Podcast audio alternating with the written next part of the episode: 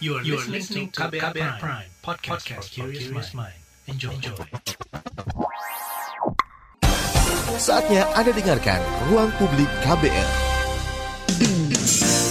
Anda mendengarkan Ruang Publik edisi khusus Indonesia Baik. Bersama kita jadikan Indonesia baik.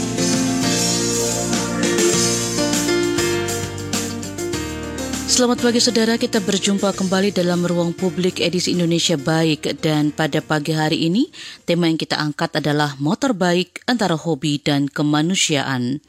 Berkendara motor menjadi hobi sebagian orang, bisa melepas penat, meluaskan pertemanan hingga mendapat pengalaman baru adalah tujuannya. Namun ternyata tidak hanya sebatas refreshing, sebagian lainnya justru menjadikan hobi ini sebagai gerakan baik, mengawal ambulans misalnya. Ini seperti yang dilakukan oleh relawan pengawal ambulans, pasukan khusus bermotor yang membelah kemacetan guna mengantarkan ambulans ke tempat khusus.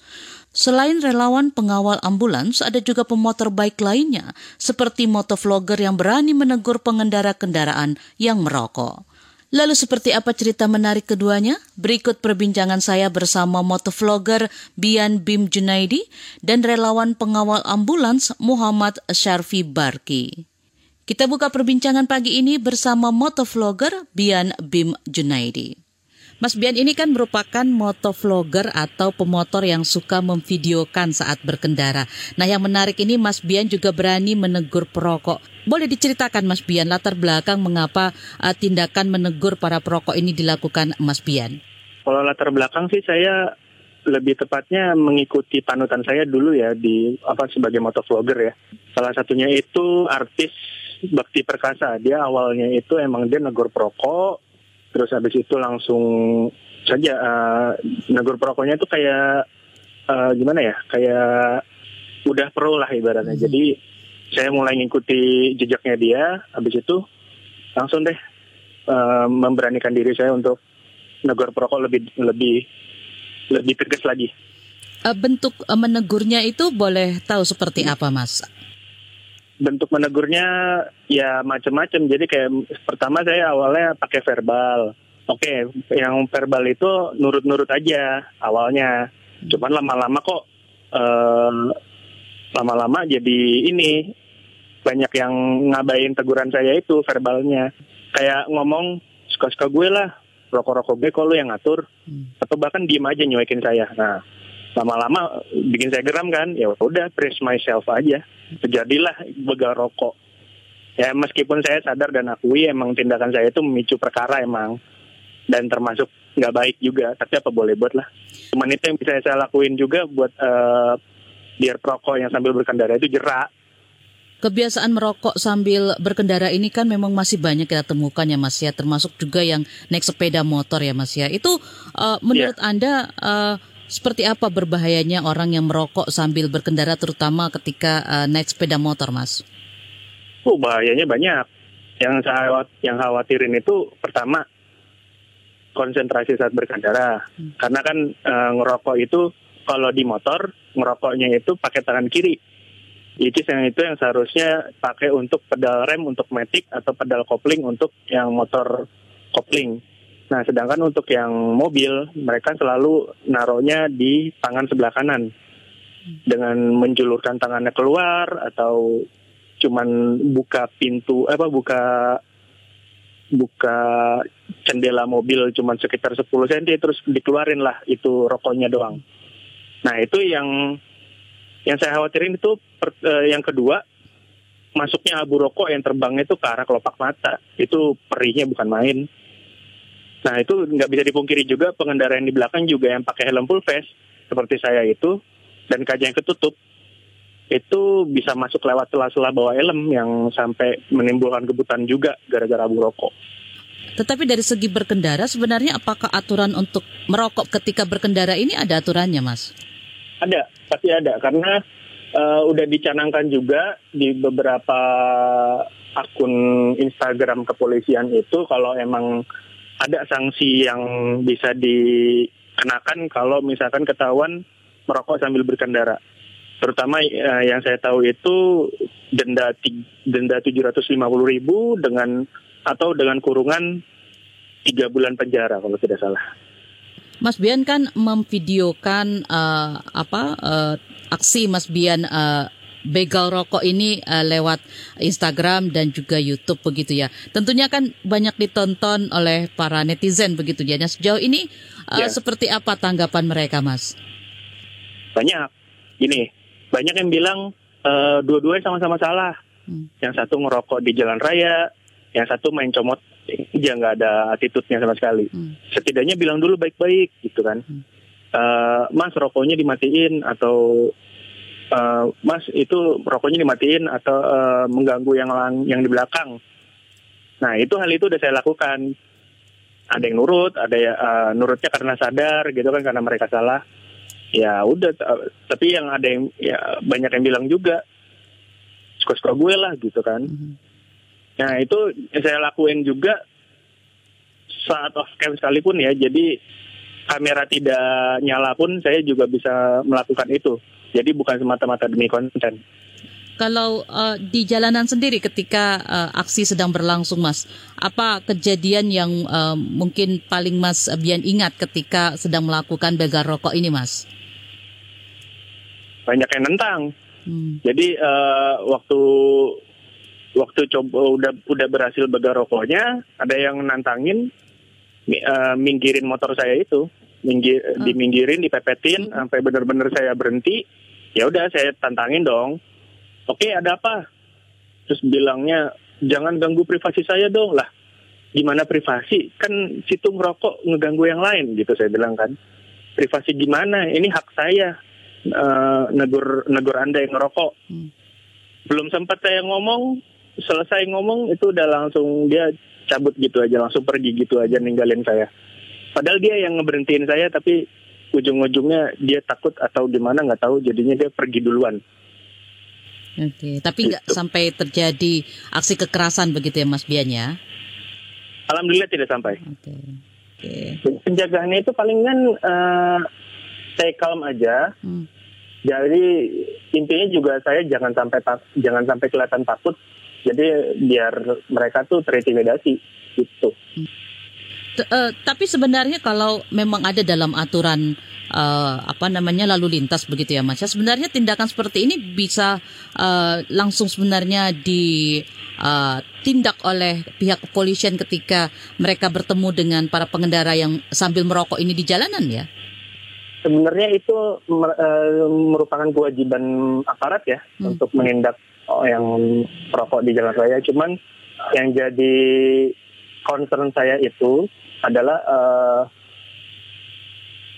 hal itu sampai tidak luput gitu loh dari pengawasan kepolisian lalu lintas.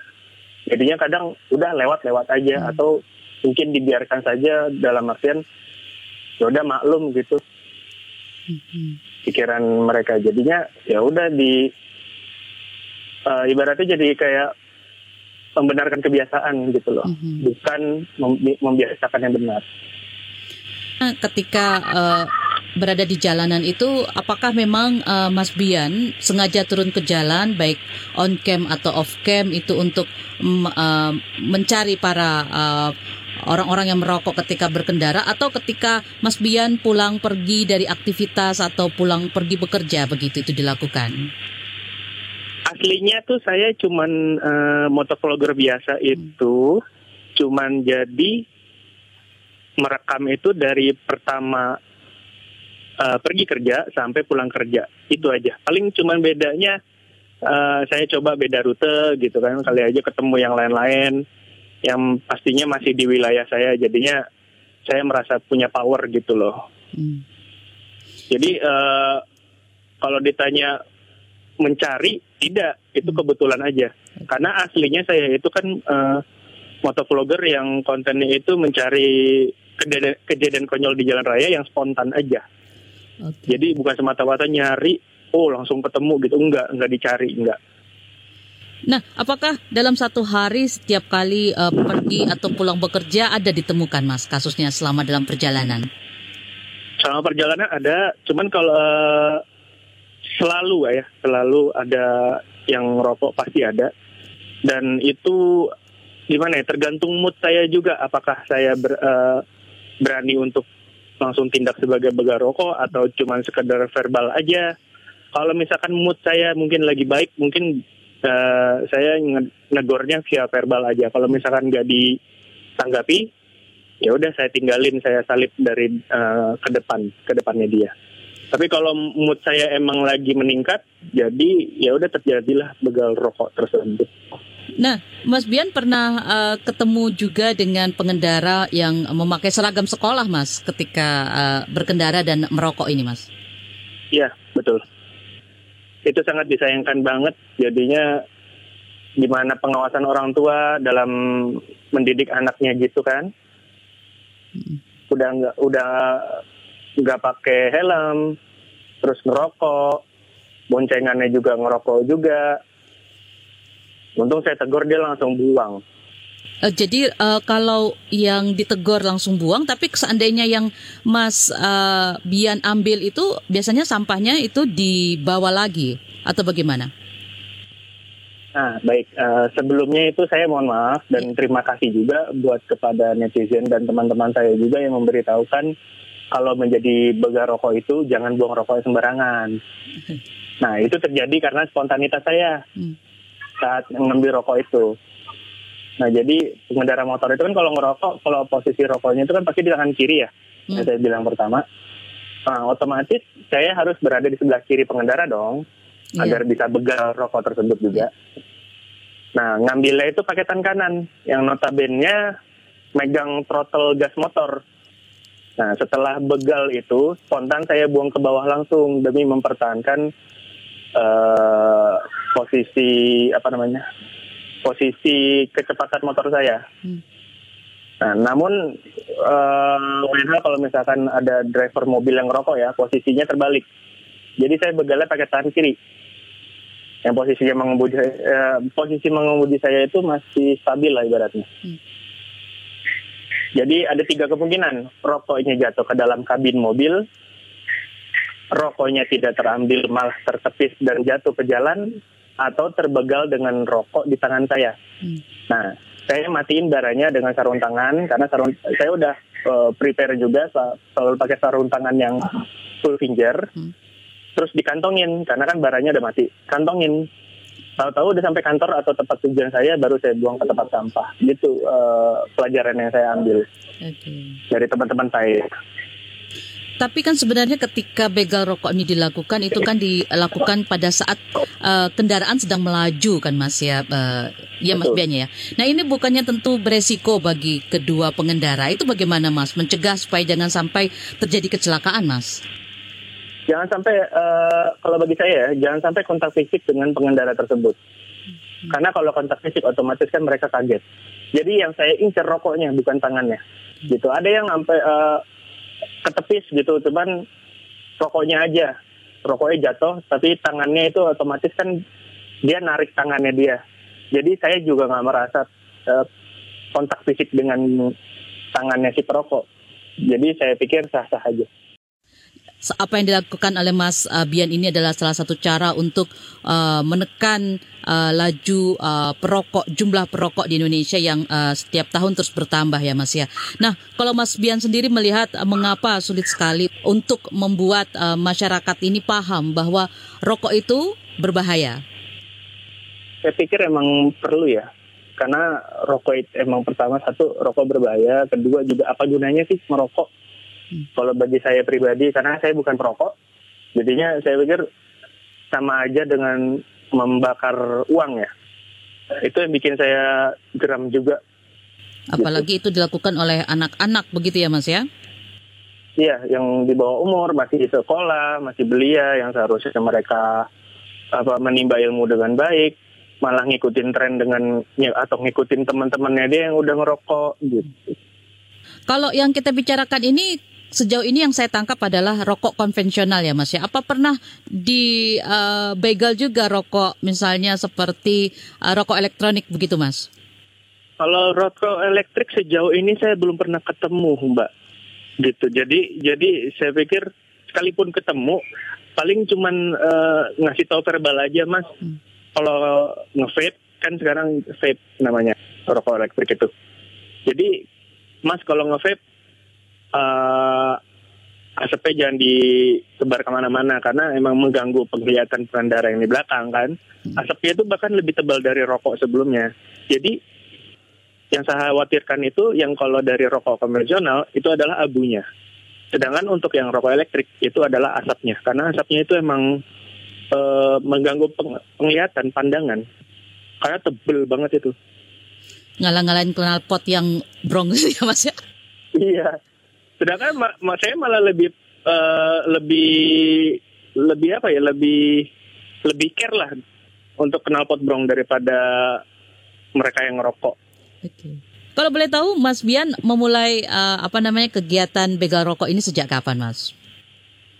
Kalau ditanya tahun itu saya sekitar tahun 2019 akhir hmm. ya sudah mulai uh, apa namanya uh, apa konten hmm. tentang begal rokok.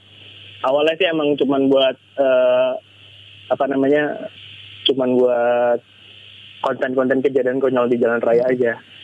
Tapi lama-lama, pokok ini makin meresahkan ini hmm. si rokok ini. Sejauh ini, uh, apakah Mas Bian melakukan ini uh, ada bersama teman-teman atau sejauh ini masih dilakukan sendirian, Mas? Saya solo, Mbak, sendiri. Hmm. Apakah ada rencana atau keinginan untuk uh, mengajak orang-orang lain atau motovlogger lainnya untuk melakukan uh, aksi serupa, Mas? Pengen. Dan uh, itu sudah terbukti dengan teman-teman saya yang ikut melakukan begal rokok. Hmm. Jadi uh, saya juga bahkan terus mengkampanyekan bahwa saya anti rokok. Hmm. Saya juga bukan uh, bukan saya benci sama perokok ya saya pun tidak melarang orang yang merokok, tapi dengan catatan uh, merokok di tempat yang disediakan, jauh dari tempat umum. Nah, konten begal rokok yang saya buat juga bertujuan mengedukasi orang-orang agar berani speak up aja hmm. dan negur perokok yang merokok di tempat yang tidak seharusnya. Tadi Mas Bian di awal-awal cerita kalau banyak yang komentar atas uh, mengkritik uh, pendekatan Mas Bian yang dianggap uh, ngawur apa tidak sopan. Tetapi ada juga nggak ya Mas yang mendukung apa yang dilakukan Mas Bian ini dari komen-komen yang ada di mungkin Instagram atau di YouTube? Awalnya itu kan, uh, nih saya boleh cerita ya. Jadi awal awalnya itu emang saya melakukan begal rokok pertama itu uh, masuk uh, feednya lambe online di Instagram. Dan itu banyak yang menentang. Sekitar dua berapa ya? Sekitar 500 ribu komentar itu di komentarnya lambe online itu menentang saya. Dan akhirnya mereka nyerang IG saya. Tapi saya tetap keke kalau misalkan emang merokok berbahaya tetap saya ngelakuin begal rokok tersebut. Tapi uh, emang awalnya setelah saya dibully, ibaratnya dibully sama netizen soal buah rokok itu, hmm. saya ngurangin ngurangin intensitas uh, intensitas saya dalam buah rokok itu. Jadi pas udah mulai tenang lagi, saya balik lagi untuk buah rokok dan akhirnya uh, nemu yang benar-benar dukung saya hmm. sepenuhnya dan itu bahkan sampai beberapa selebgram juga bakal ikut ikut mendukung juga saya begal rokok gitu. Bentuk dukungan itu uh, apakah juga ada apakah hanya berupa bentuk dukungan uh, verbal begitu atau juga ada eh, aksi-aksi yang dilakukan bersama, Mas? sampai aksi ah, kalau aksi belum sampai sih mbak jadi cuma sebatas uh, komentar Instagram aja gitu tapi uh, pastinya uh, dukungan yang Mas Bian terima itu sangat besar pengaruhnya terhadap Mas Bian dalam melakukan uh, kegiatan ini ya tentu karena itu jadi motivasi saya untuk uh, pertama uh, belajar yang lebih baik lagi gimana cara supaya jadi begal rokok tapi tetap sopan santun dan tidak sampai bikin baku hantam juga gitu. Iya, Mas Bian, selain um, menjadi begal rokok, hal baik apa lagi yang dilakukan Mas Bian kepada para pengendara dan pengguna jalan ini, Mas? Jadi saya itu selain emang hobi begal rokok ibaratnya, karena emang saya benci banget sama orang yang ngerokok sambil berkendara. Hmm. Saya itu sering ngasih tahu pengendara lain kalau lampu sene nyala, hmm. ngasih tahu aja. Jadi padahal tidak sedang ingin berbelok gitu, tapi ya udah saya kasih tahu aja, Mbak sene nyala gitu, atau Mas sene nyala gitu. Juga ngasih tahu soal lampu hazard, lampu, lampu hazard kalau misalkan tidak darurat darurat banget nggak usah pakai lampu hazard. Pernah juga escort ambulan juga okay. terus nyetut pengendara lain yang motor kena problem nah itu yang terakhir mungkin emang ada larangannya tapi selama tidak di jalan besar mah ya udah nggak masalah bagi saya. Apa yang Mas Bian ingin sampaikan kepada masyarakat Indonesia terutama para pendengar uh, perbincangan kita di KBR pagi hari ini terkait dengan uh, kedisiplinan ketika berkendara termasuk tidak merokok ketika sedang berkendara Mas? Untuk saya pribadi, saya uh, saya masih ingin melakukan begal rokok yang intensitasnya saya tingkatkan. Nah, ya dengan catatan saya akan kembali menegur secara lisan dulu. Jika uh, kalau ngeyel baru begal. Meskipun emang jadinya kerja dua kali ya, uh, lisan dulu baru begal. Hmm. Itu jadi concern saya terhadap pandangan netizen terhadap saya juga.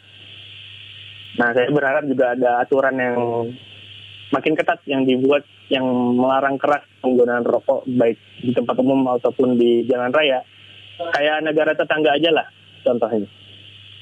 Nah untuk pesan yang uh, pesan yang ingin saya sampaikan ke masyarakat apabila anda terganggu dengan keberadaan keberadaan perokok jangan takut untuk menegur hmm. karena sejatinya itu adalah hak anda untuk menciptakan lingkungan yang nyaman bebas asap rokok. Nah, apakah pernah okay. uh, eh, ketika uh, ketemu pengendara yang sedang merokok gitu di jalanan lalu sudah ditegur uh, mengacuhkan Mas Bian begitu, kemudian Mas Bian bertemu Polantas dan melaporkan hal tersebut. Apakah pernah itu dilakukan? Apakah itu pernah terjadi? Setelah cuek biasanya uh, saya ya udah uh, balikin cuekin dia karena pasti uh, ujung-ujungnya pasti bakal kena batunya juga. Cuman sampai berpapasan dengan Polantas saya belum pernah. Anda mendengarkan Ruang Publik edisi khusus Indonesia Baik. Bersama kita jadikan Indonesia baik.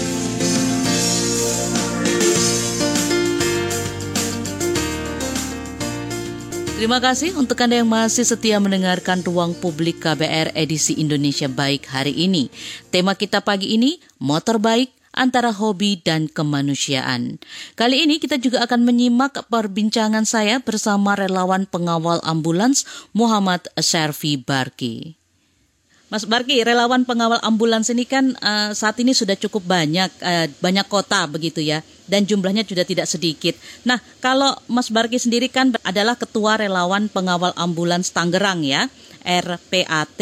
Nah, boleh diceritakan Mas, bagaimana awal mulanya uh, Mas Barki ini membentuk RPAT ini Mas?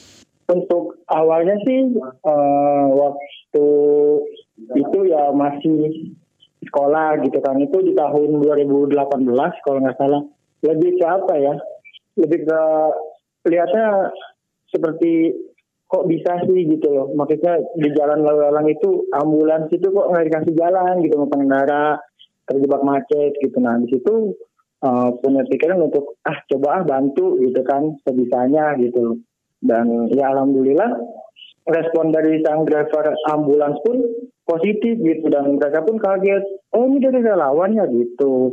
Karena memang dulu sebelum sebelumnya itu belum belum ada gitu kan yang terjun langsung membantu membuka jalan di kemacetan seperti itu gitu dan ya sampai saat ini ya alhamdulillah berjalan 4 tahun sampai dengan saat ini gitu. Mas Barki itu kan uh, memulai ini tahun 2018 ya. Itu uh, sendirian pada saat itu atau sudah mulai bersama uh, beberapa teman begitu boleh diceritakan? Kalau waktu awal sih saya berdua sama temen terus uh, ya kita uh, kembangkan melalui sosmed dan juga melalui ya masyarakat aja sih gitu loh. Masyarakat yang melihat langsung, terus dibantu juga dengan uh, driver juga nih kalau misalkan ada mau rujukan pasien, ini teman-teman ini bisa bantu di jalan, bisa bisa menghubungi beliau segala macam sekiranya jalanan kredit atau istilahnya padat atau juga mungkin pas di jam-jam sibuk atau jam-jam pulang kerja gitu. Sekarang berapa banyak anggotanya? Kalau untuk di Tangerang sih uh, kurang lebih hampir 20. Kita juga ada di Jombang, Jawa Timur gitu, cuman pusatnya di sini. Ini mengawalnya dengan menggunakan kendaraan apa, Mas? Kita menggunakan kendaraan pribadi sih Kak, roda dua. Namanya kan relawan pengawal ambulans. Apakah hanya ambulans saja yang uh, teman-teman kawal atau ada uh, yang lain begitu?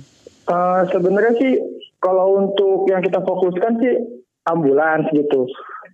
Sebenarnya sih uh, filosofinya kita mendirikan ini sih lebih mengarah ke kendaraan emergensi sih kak, kendaraan prioritas gitu, yang mendapatkan hak di jalan, namun uh, realitanya masih belum mendapatkan haknya di jalan gitu. Padahal secara secara undang-undang pun kendaraan tersebut mendapatkan hak gitu loh. Namun ya di lapangan kita lihat sih masih masih kurang gitu haknya itu masih kurang gitu. Kalau untuk kendaraannya sih sebenarnya uh, ambulans, uh, pemadam, sama satu lagi kendaraan pribadi kak yang membawa orang sakit gitu.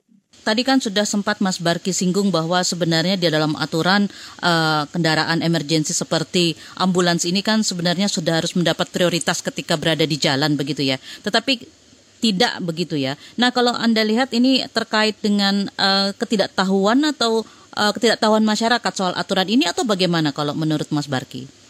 Mungkin sih uh, ada unsur kurangnya pengetahuan sih Kak gitu. Kurangnya pengetahuan, uh, kemudian ya mungkin masih banyak pengendara tuh di jalan kalau saya lihat sih masih lalai terus mengabaikan uh, pengendara lain gitu kayak contohnya kendaraan roda empat yang menyetel musik dalam mobil dengan volume yang berlebihan itu kan membuat suara dari luar mobil itu tidak sampai ke dalam gitu loh, tidak sampai ke pengemudi yang sedang mengemudikan itu. Jadi otomatis sirine kendaraan emergensi pun nggak langsung mereka ketahui gitu, jadi responnya lambat gitu untuk menepi. Tapi kebiasaan untuk menepi ketika ambulans lewat ini di masyarakat kita seperti apa? Apakah memang ketika uh, hanya pada saat uh, kemacetan terjadi ambulans sulit atau memang belum ada kesadaran masyarakat ketika ambulans lewat untuk menepikan kendaraannya begitu Mas uh, Barki? Masih uh, belum ada sih Kak kesadaran masyarakat masih minim sih gitu. Kalau untuk uh, kita kan udah sempat juga buat sebuah video gitu di mana di saat ambulans uh, dalam pendampingan relawan dan juga ambulans uh, dalam perjalanan sendiri itu ya benar-benar sangat memprihatinkan gitu loh benar-benar masyarakat tuh jadi bilang cuek-cuek gitu. Sejak uh, berdiri 2018 hingga sekarang kan di dua tahun terakhir kita mengalami pandemi COVID-19 dan lalu lalang ambulans sangat tinggi frekuensinya begitu Mas Barki ya. Kalau apakah juga aktivitas para relawan di sana juga meningkat pada saat pandemi ini Mas? Ya kalau dibilang sih ya lebih aktif kak gitu. Karena kan uh, dua tahun terakhir ini kan covid itu meningkat. Jadi ya ambulans lalu lalang dan kita pun benar-benar ya mengikuti ambulans gitu loh. Ambulans sampai terus kemudian ada merujuk pasien covid lagi ya kita bantu lagi gitu. Jadi kita ya ikut kita kita ikut lalu lalang gitu.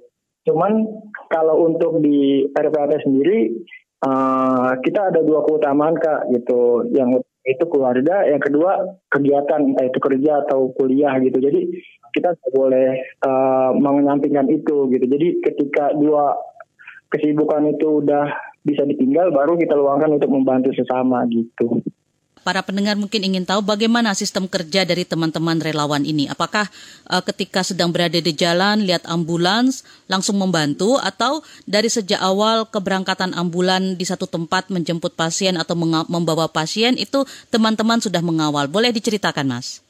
Oh, kalau untuk kegiatan kita sih, uh, kegiatan kita itu uh, sebenarnya dua tahun yang lalu itu uh, masih standby di rumah sakit gitu kak. Jadi kita uh, kita standby di rumah sakit dan info ambulans ingin apa namanya merujuk pasien pun itu via WhatsApp jadi di grup. Jadi sang driver itu berinfo bahwasannya uh, rumah sakit A mau rujuk pasien ini ke rumah sakit B gitu ada yang bisa bantu nggak? Gitu. Uh, kalau untuk belakangan ini kan kita kan kesibukannya masing-masing ya kak anggota kita gitu. Jadi ya kalau misalkan ada yang senggang ya mungkin untuk saat ini kita mantau via handphone jadi via grup WhatsApp gitu jadi kita istilahnya standby di rumah kalau misalkan ada rujukan driver informasi ya baru kita menuju ke rumah sakit gitu ini biasanya dari rumah sakit ke rumah sakit atau dari rumah sakit ke mana biasanya mas? Uh, biasanya sih kak yang sering itu puskesmas ke rumah sakit. Uh, kalau itu kalau puskesmas itu lebih uh, ke rujukan ibu prisalin atau pasien hamil. Uh, tapi kalau rumah sakit ke rumah sakit itu biasanya uh, macam-macam kak pasien yang dirujuknya itu gitu. Apakah teman-teman juga mengawal uh, jenazah? Kalau untuk RPAT iya kak, cuman kita tidak memfokuskan kak gitu. Jadi yang kita fokuskan yang benar-benar uh, terlihat urgensinya aja gitu kak. Jadi benar-benar khusus pasien aja gitu. Dan juga uh, yang lalu-lalu kita udah pernah ngalamin yang namanya kita benar-benar ngawal kendaraan pribadi, namun membawa pasien gitu loh. Jadi waktu itu pernah kita mengawal kendaraan pribadi itu dari bidan kak, dari bidan mau dirujuk ke rumah sakit, namun tidak menggunakan ambulans dan bidan tersebut pun langsung ngejapri via DM di Instagram, minta bantuannya bisa apa enggak gitu. Dan alhamdulillah rekan kita bisa bantu ya kita bantu gitu. Dan kita tetap uh, istilahnya sopan santun di jalan, menghormati pengendara lain, mengacungkan jempol terhadap pengendara yang sudah memberikan ruang tanda terima kasih dan juga petugas di lapangan seperti kepolisian gitu. Karena ya pada dasarnya ya haknya pengawalan itu hanya untuk kepolisian gitu. Cuman ya kita kita melakukan itu atas dasar rasa kemanusiaan aja sih kak gitu atas dasar hati nurani aja gitu Apakah untuk meminta bantuan uh, relawan pengawal ambulans ini uh, ini berbiaya? Ada biayanya, Mas? Tidak sama sekali, Kak. Tidak sama sekali. Kalau kita Ya, jadi kita kalau dari awal itu uh, bensin segala macam itu ya kita pribadi uang kita gitu loh. Karena uh, istilahnya kegiatan kita ini yang istilahnya kita benar-benar harapkan cuman ladang pahala aja sih kak. Gitu loh. Lebih ke pahala gitu Mas Barki boleh diberikan gambaran sedikit kepada pendengar kita kalau di daerah Tangerang ketika uh, ambulans lewat di jalanan di jam-jam uh, sibuk begitu, ketika tidak dikawal dan ketika dikawal itu berapa selisih waktu uh, yang uh, bisa dihemat ketika uh, ambulans ini uh, dikawal, Mas? Kalau untuk di Tangerang sih uh, kita kan lebih sering kegiatan itu di Jalan Raya Serang ya di Jalan Serang dan uh, memang estimasi ambulans ketika sedang bertugas itu dia sudah tidak hitungan menit lagi, namun hitungan detik perjalanannya gitu loh. Ketika kendaraan emergensi sedang bertugas. Nah, namun ya kalau misalkan uh, terhambat atau tidak adanya relawan, ya bisa kemungkinan waktunya lebih terhambat di jalan gitu loh. Ya walaupun perbandingannya hitungan menit gitu, loh. namun ya namanya gimana ya pasien gitu kan nyawa seseorang itu ya nggak bisa dihitung dalam waktu sedetik atau gimana pun gitu kan jadi ya beda aja sih kak ketika ambulans sedang melakukan tugasnya dikawal relawan dengan tidak dikawal itu sangat beda gitu loh jadi berapapun waktu yang bisa dihemat itu akan sangat uh, uh, membantu pasien yang sedang dibawa ambulans begitu ya Mas Barki ya. Sangat berharga banget buat pasien dan keluarganya. Ya. Nah, Mas Barki sejak empat tahun uh, menjadi relawan pengawal ambulans ini, boleh dong diceritakan uh, pengalaman yang menarik atau pengalaman yang tidak terlupakan ketika mengawal ambulans ini, Mas? Ya, kalau pengalaman sih beraneka macam ragam ya kak, namanya suka duka di jalan gitu. Cuman ya yang saya tangkap sih uh, dari dukanya dulu ya kak ya. Waktu kita mendampingi ambulans salah satu rumah sakit di Kabupaten Tangerang. Uh, beliau ingin merujuk pasien anak ke rumah sakit umum Kabupaten Tangerang gitu. Jaraknya kan lumayan gitu kan dan uh, waktu itu sangat-sangat berbarengan dengan jam pulang kerja gitu kan. Itu uh, di jalan uh, kita udah bantu semaksimal mungkin dan driver, perawat dan dokter pun udah semaksimal mungkin apa memberikan yang terbaik gitu kan. Namun ya pada nyatanya kita terhambat dan uh, di tengah perjalanan sang driver memberi aba-aba untuk menepi gitu kan. Saya kira ada apa gitu kan, kenapa nih menepi begitu. Terus uh, saya tepikan kendaraan saya, saya turun dari motor saya, saya hampiri kan driver buka kaca. Saya bilang, uh, kenapa Pak berhenti? Uh, sebentar Ki katanya kan mau ada tindakan dulu untuk pasien. Oh iya baik Pak. Selang berapa detik drivernya manggil saya lagi uh, lewat kaca mobilnya itu dibuka kan. Kenapa Ki putar balik Ki balik ke rumah sakit? Bilang kenapa emang? Pasiennya udah ketolong gitu. Dokter dan petugas yang lain di ambulans pun udah memberikan semuanya dengan maksimal, namun uh, Tuhan berkata lain dan si Ade pun tidak bisa diselamatkan gitu dan kita kembali ke rumah sakit untuk membawa pasien yang tadi lagi gitu. Kalau untuk sukanya sih kak ya uh, banyak sih kak. Ya, salah satu contohnya kita melihat keluarga pasien yang kita bantu tersenyum sambil menangis itu sebuah rasa haru sih kak gitu loh. Apalagi ucapan terima kasih udah mau bantu, udah mau menyempetin waktunya. Sebenarnya sukanya kita ya ucapan terima kasih dari keluarga pasien, dari pasiennya itu udah sangat berharga banget sih buat kita gitu loh. Bahwasanya alhamdulillah gitu sampai detik ini masih bisa membantu sesama gitu, membantu yang benar-benar membutuhkan bantuan gitu. Anda mendengarkan Ruang Publik edisi khusus Indonesia Baik. Bersama kita jadikan Indonesia baik.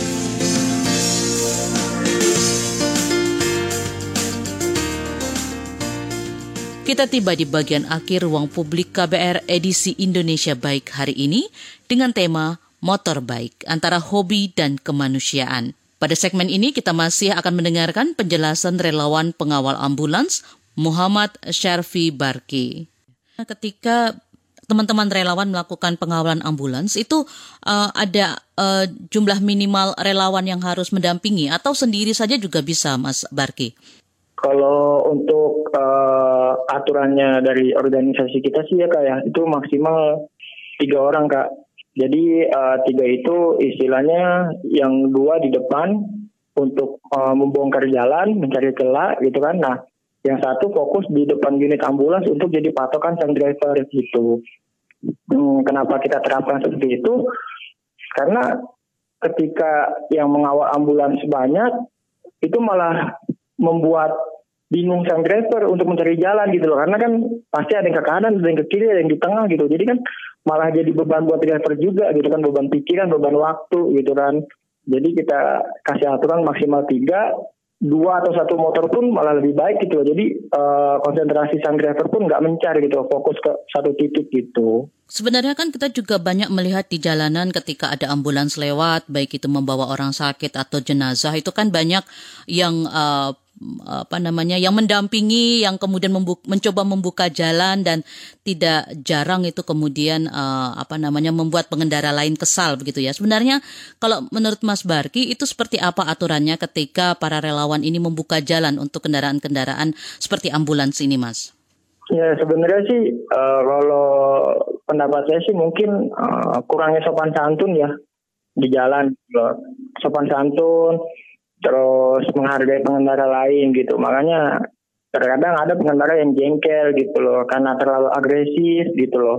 Terlalu tergesa-gesa gitu. Jadi membuat pengendara lain tuh jadi mungkin kesal gitu ditambah kan jam-jam genting, jam-jam pulang kerja itu kan pengendara kan udah pusing kepalanya, pusing di kerjaan, ditambah di jalan itu diperlakukan tidak enak gitu dengan pengendara yang ya kita apa gitu loh kita nggak punya hak gitu loh kita nggak dilindungi oleh undang-undang gitu karena yang dilindungi oleh undang-undang itu ambulansnya bukan pengawalnya gitu. Kalau saat ini uh, Mas Barki tadi bilang anggotanya uh, eh, RPAT ini sekitar 20 orang ya Mas ya. Nah, itu ada proses rekrutmen khusus nggak sih untuk 20 orang ini dan uh, apa saja yang uh, menjadi syarat ketika ingin bergabung Mas? Uh, sebenarnya kalau misalkan untuk syarat sih uh, kita pasti nanya tujuannya sih kak gitu loh. Maksudnya uh, mau jadi relawan itu atas dasar apa gitu loh kan.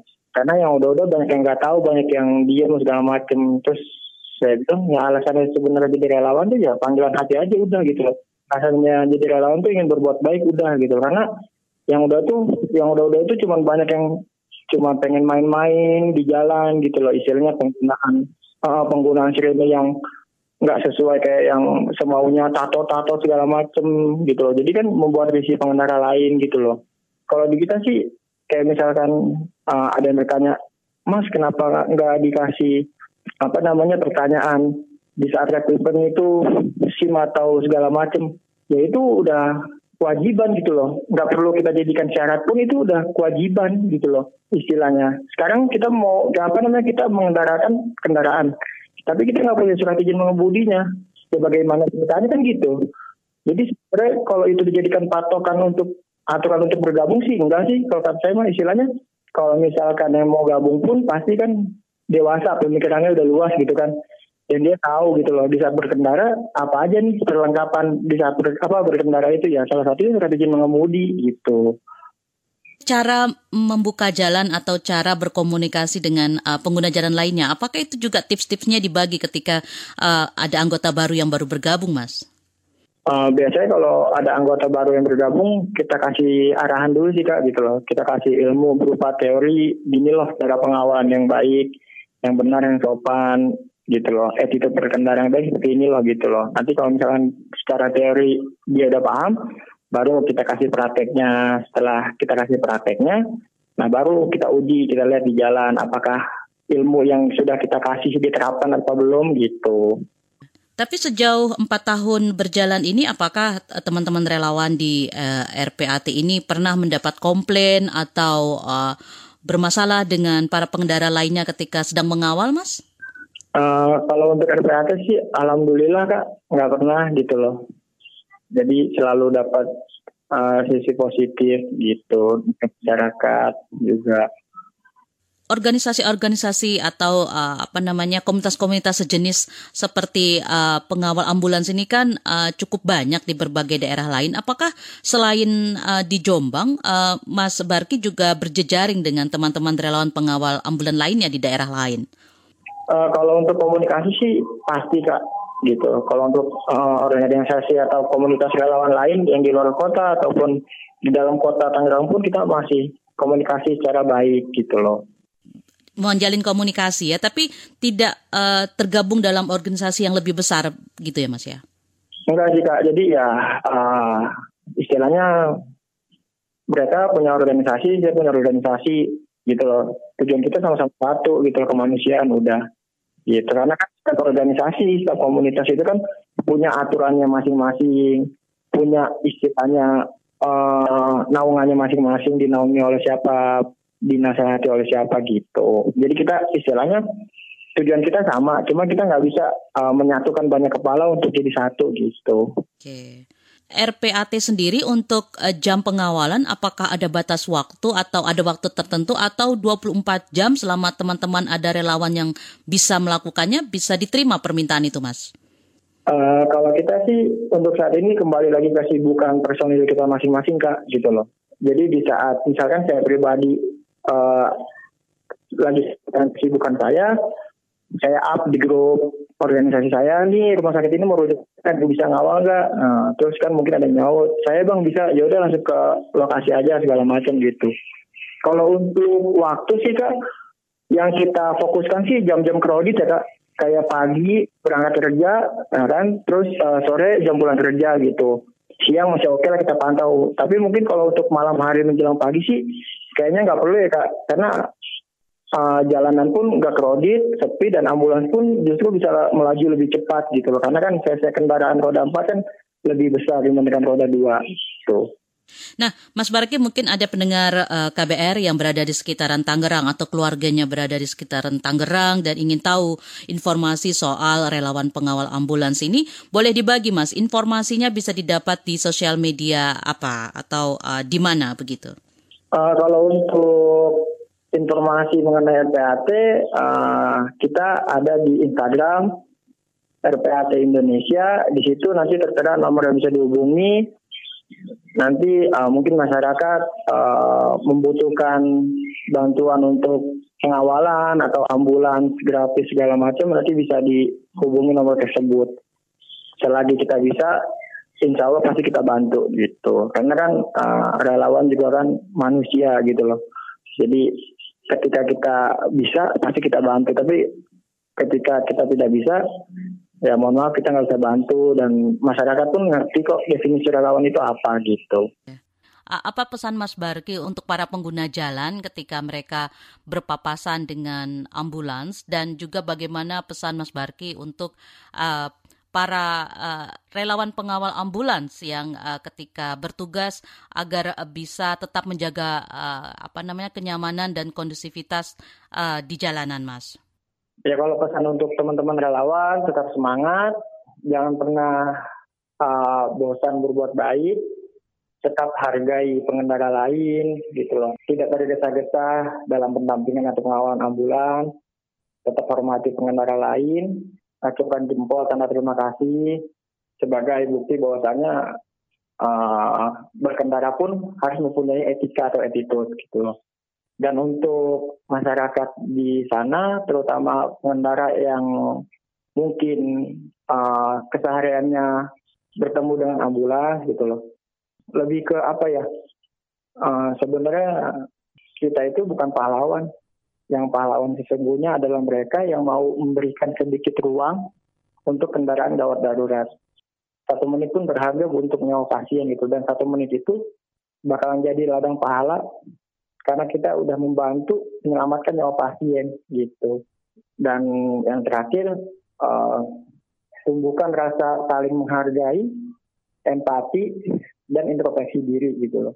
Karena uh, banyak belakangan ini mungkin netizen atau masyarakat yang jerak oleh dibilang uh, oknum ya oknum relawan yang uh, mengawal ambulans secara arogan segala macam ya ya udah jangan terlalu di up sampai berlebihan kayak di sosial media segala macam gitu. Maksudnya ya saling menghargai ya kita saling menghargai aja gitu kan. Terus empati dan juga introspeksi diri. Yang dibilang introspeksi diri itu adalah apakah kita berkendaranya udah baik atau belum gitu loh apakah kita sudah menghargai pengendara lain apa belum gitu apakah cara berkendara kita itu sudah beretika atau belum gitu jadi saling menghargai aja sih Demikian saudara, perjumpaan kita di ruang publik KBR Indonesia Baik di pagi hari ini. Tema kita pagi ini adalah motor baik antara hobi dan kemanusiaan. Terima kasih untuk kebersamaan Anda di pagi hari ini. Saya Fitri Anggreni undur diri. Salam. Baru saja Anda dengarkan Ruang Publik KBR. KBR Prime, cara asik mendengar berita. KBR Prime, podcast for curious mind.